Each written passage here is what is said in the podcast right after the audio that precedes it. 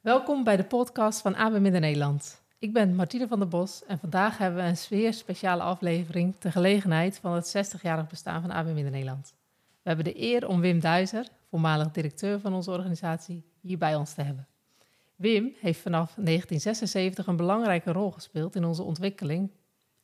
Samen met Wim gaan we terug in de tijd om het verleden van AB Midden-Nederland te verkennen. We zullen unieke verhalen ontdekken die zelfs de huidige medewerkers moeten kennen. We zullen ook bespreken hoe AB Midden-Nederland door de jaren heen is veranderd en wat er belangrijk is om vast te houden. Laten we beginnen.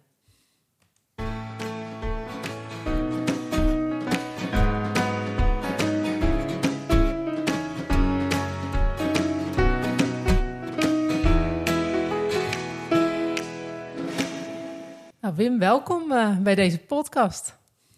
Graag gedaan. Leuk uh, dat je mee wil werken. En we zijn ook op een speciale locatie, thuis in Asperen. Ja, ja nou, een plaats uh, waar ik graag ben gaan wonen. En ook, nou ja, in, ze zeggen wel eens als je ouder bent, dan moet je nooit meer verplaatsen. Maar dat is niet helemaal waar. Want ik kom weer in mijn roots terecht een beetje. Waar ik, waar ik ooit begonnen ben in Scheluinen-Gorkum. Nou zit ik hier in West-Betuwe. Ja. Nou, een zeer aangename plaats. Ja, nou, we hebben vandaag mooi weer, dus uh, we kunnen er extra van genieten om, uh, om hier, hier te zijn. Nou, we zijn vooral benieuwd naar de, de beginjaren van, van AB Midden-Nederland. 1963 is, is de coöperatie, zeg ik, opgericht. Maar ik heb wel begrepen dat het vroeger ook wel verenigingen genoemd werd. Ja. Kunt u daar eens iets meer over vertellen? Nou, de verenigingen, in, ik ben begonnen in Utrecht, daar had je vijf verenigingen. Ik ben aanvankelijk begonnen in, in drie verenigingen, toen vier en toen na anderhalf, twee jaar in vijf verenigingen. Dat waren verenigingen die op zich stonden met een klein bestuur en meestal één persoon hadden ze aan het werk. Of ze leenden van elkaar de mensen uit en het waren vaak mensen die waren los in dienst. Toen, toen ik helemaal begon, in 76 waren er precies drie mensen vast in dienst. Dat werd er al snel dat jaar gewoon 12 of 13, weet ik. Eind 1976 waren er 13 mensen aan het werk. het was toen ook heel snel nodig. Want de vraag die was toen vele malen groter dan het aanbod. Ja. En de vraag was ook echt onverwachts vaak. Want er kwamen veel. Er waren toen veel bedrijven, veel kleine bedrijfjes. En ook vaker gewoon problemen bij mensen die zelfstandig waren en die gewoon toch een plotseling probleem kregen met ziekte of ongeval. En er moest ook direct geholpen worden. Dus het was een, eh, een heftig jaar in het begin al. Waren dat allemaal uh, mensen van uh, boerenkomaf? Ja, nou dat heb ik zeer wel meegemaakt. Dat het bijna altijd mensen waren wat boerenzoons waren. Die uiteindelijk vaak ook nog later boer geworden zijn. Of in ieder geval een periode in hun leven werkten bij de bedrijfsverzorging. Of toen ook wel boerenhulp zoals het genoemd werd. Maar dat was een tussenliggende periode die ze vaak werkten voordat ze zelfstandig ondernemer werden. Meestal een drie, vier, vijf jaar waren ze aan het werk bij ons en dan nou gingen ze voor, voor hunzelf verder. Ja. De eerste tien jaar heb ik het ook helemaal zelf gedaan, zonder uh, enige uh, collega of wat dan ook waar we het samen mee deden. We deden veel wisselingen met, met weekenddiensten. Dat, daar hadden we vaak dat we dat met de Alblassewaard bijvoorbeeld samen deden, deden toen. Ja, dat je in het weekend standby uh, Ja, je had wel wat standby, ja. ja. Maar u regelde dan echt alles, van de, de planning tot uh, het invullen. Ja, en ook uh, je was de reserve, met de reserve die was vaak aan het werk. Ja. En, want dat was toen ook vaak nodig, dat, dat, dat er weer mensen te, te weinig waren. En dan ging je zelf weer verder. Was u de reserve? Ik was de reserve, ja. Wat ging u dan doen?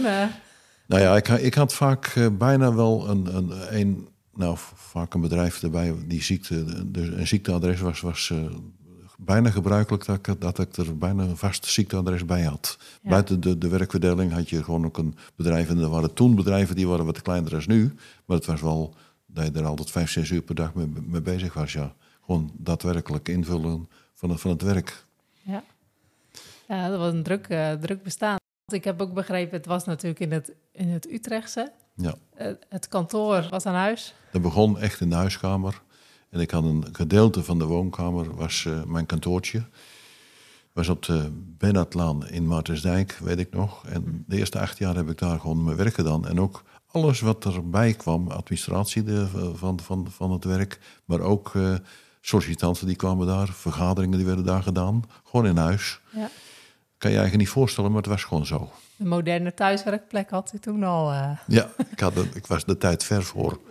Dat heeft natuurlijk een enorme ontwikkeling ook doorgemaakt. Want die, die kleine verenigingen, dat werd steeds groter. Dat fuseerde. Dat Ja, nou, die, die, al die, die, die, die kleine clubjes, die fuseerden met elkaar. Dat is in de, ik denk begin 1980 is dat al tot stand gebracht. Toen zijn al die kleine groepjes bij elkaar gevoegd en alle besturen opgeheven. En toen kregen we één bestuur, bestuur Utrecht.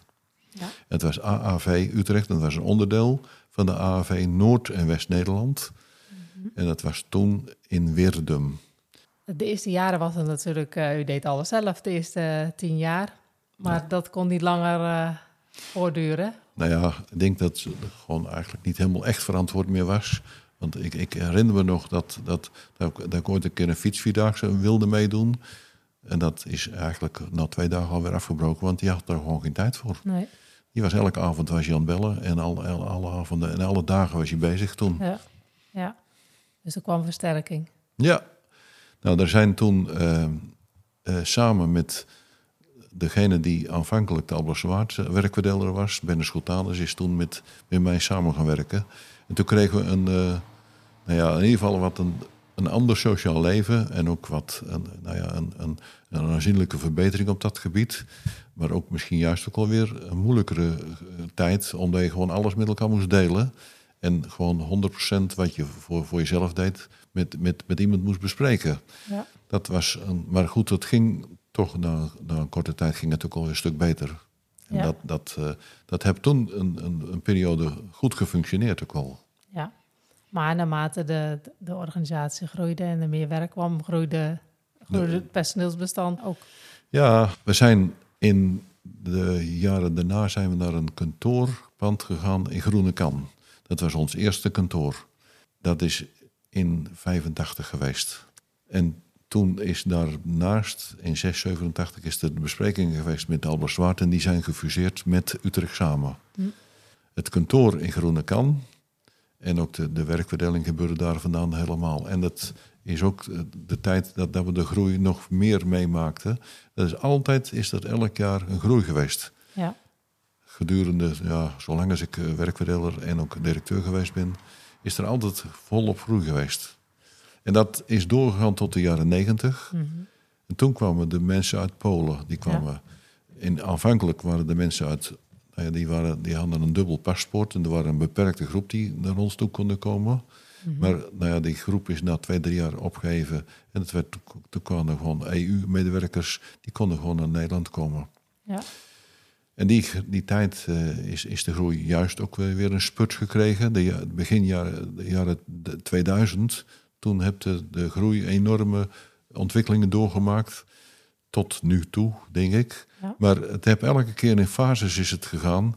Met name voordat er EU-medewerkers kwamen, toen zaten we een keer aan het eind van onze mogelijkheden. En we moesten toen een stap zetten.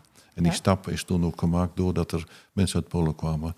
En nou, dat waren eh, vaak gemotiveerde mensen die uit een gebied kwamen wat vaak het platteland was. Mhm. En die mensen die waren gewoon zeer tevreden en ook echt gemotiveerd wel. Dus daar kunnen we nu op terugzien als een hele goede groep mensen uit Polen. Ja.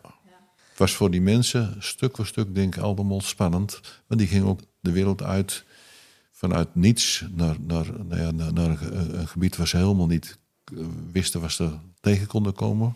Want wij merkten dat in het begin dat ze ook gewoon vaak de weg niet wisten en ook uh, moeilijk ergens konden komen. En wij begrepen dat niet altijd, maar naderhand begrepen we dat juist meer. Want ze, waar, ze vandaan kwamen, waren ze, waren ze dat helemaal niet gewend. Nee, nee en, en ik denk dat de cultuurverschillen toen nog veel groter waren. Zoals... Ja, nou, de verschillen die waren al sowieso al groot. Ze kwamen met een klein autootje naar, naar, naar Nederland toe.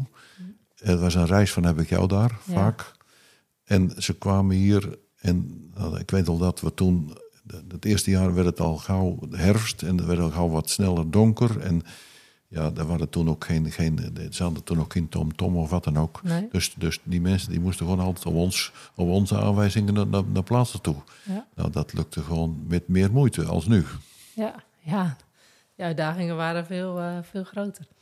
Als u, als u terugkijkt in, naar al die jaren, wat was eigenlijk het echte hoogtepunt? Nou, ik denk het, gewoon de aanvankelijke opbouw van dat wij ziektevervanging deden bij, bij boeren was toen een enorme stap voorwaarts, met name de reductieregeling.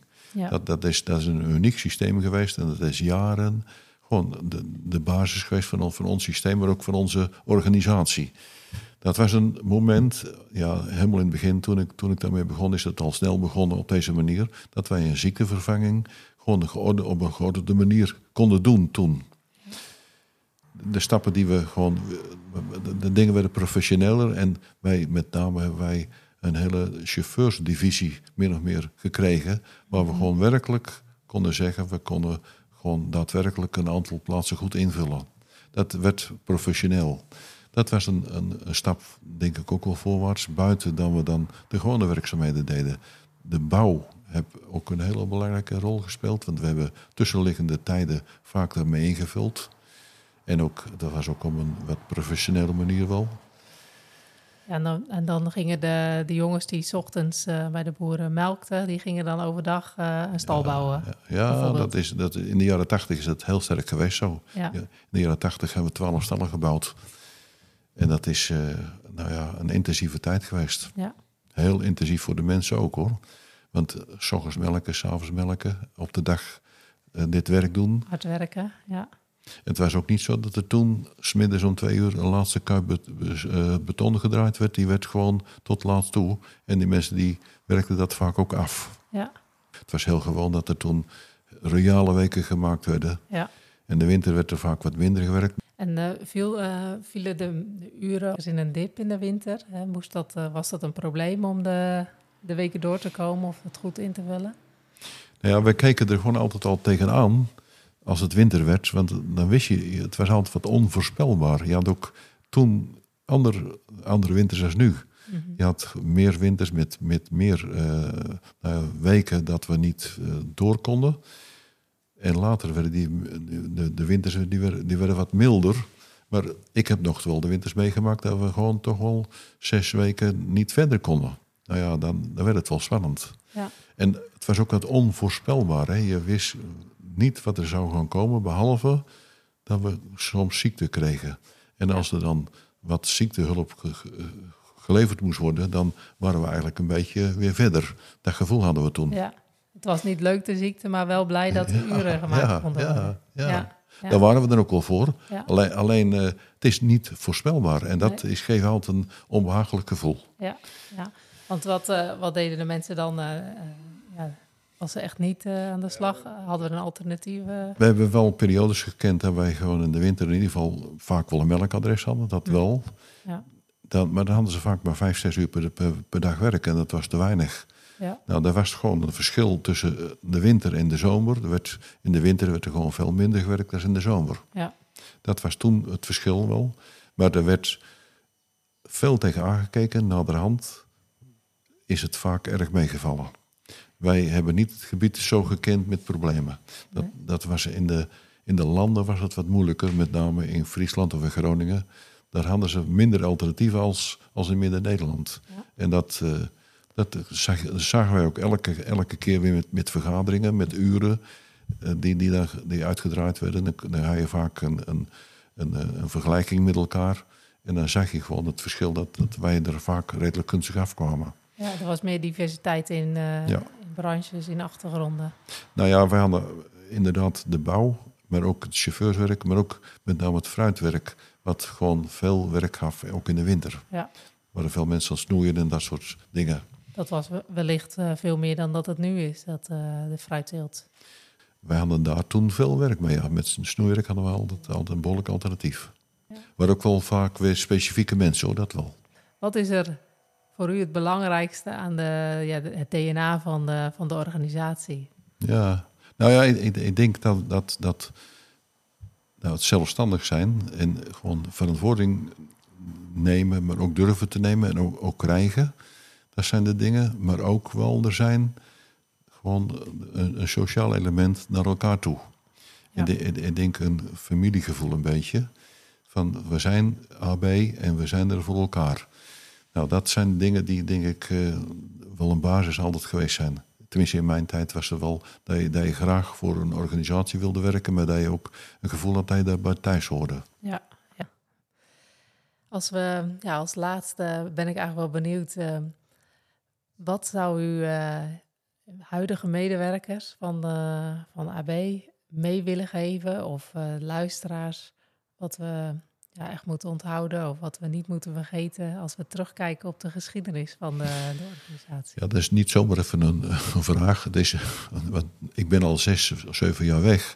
Maar ik, ik heb nog steeds wel een beetje degene nog behouden zoals ik mee begonnen ben. Het was een trots om bij, bij, bij, bij AB te willen werken, maar ook te willen zijn. En ik denk dat je ook gewoon moet staan voor je organisatie. En ook, ik denk dat het, eh, het gemeenschappelijk gevoel met elkaar en ook naar elkaar omzien en een gevoel hebben dat je, dat je niet zomaar even in de steek gelaten wordt als het wat minder gaat.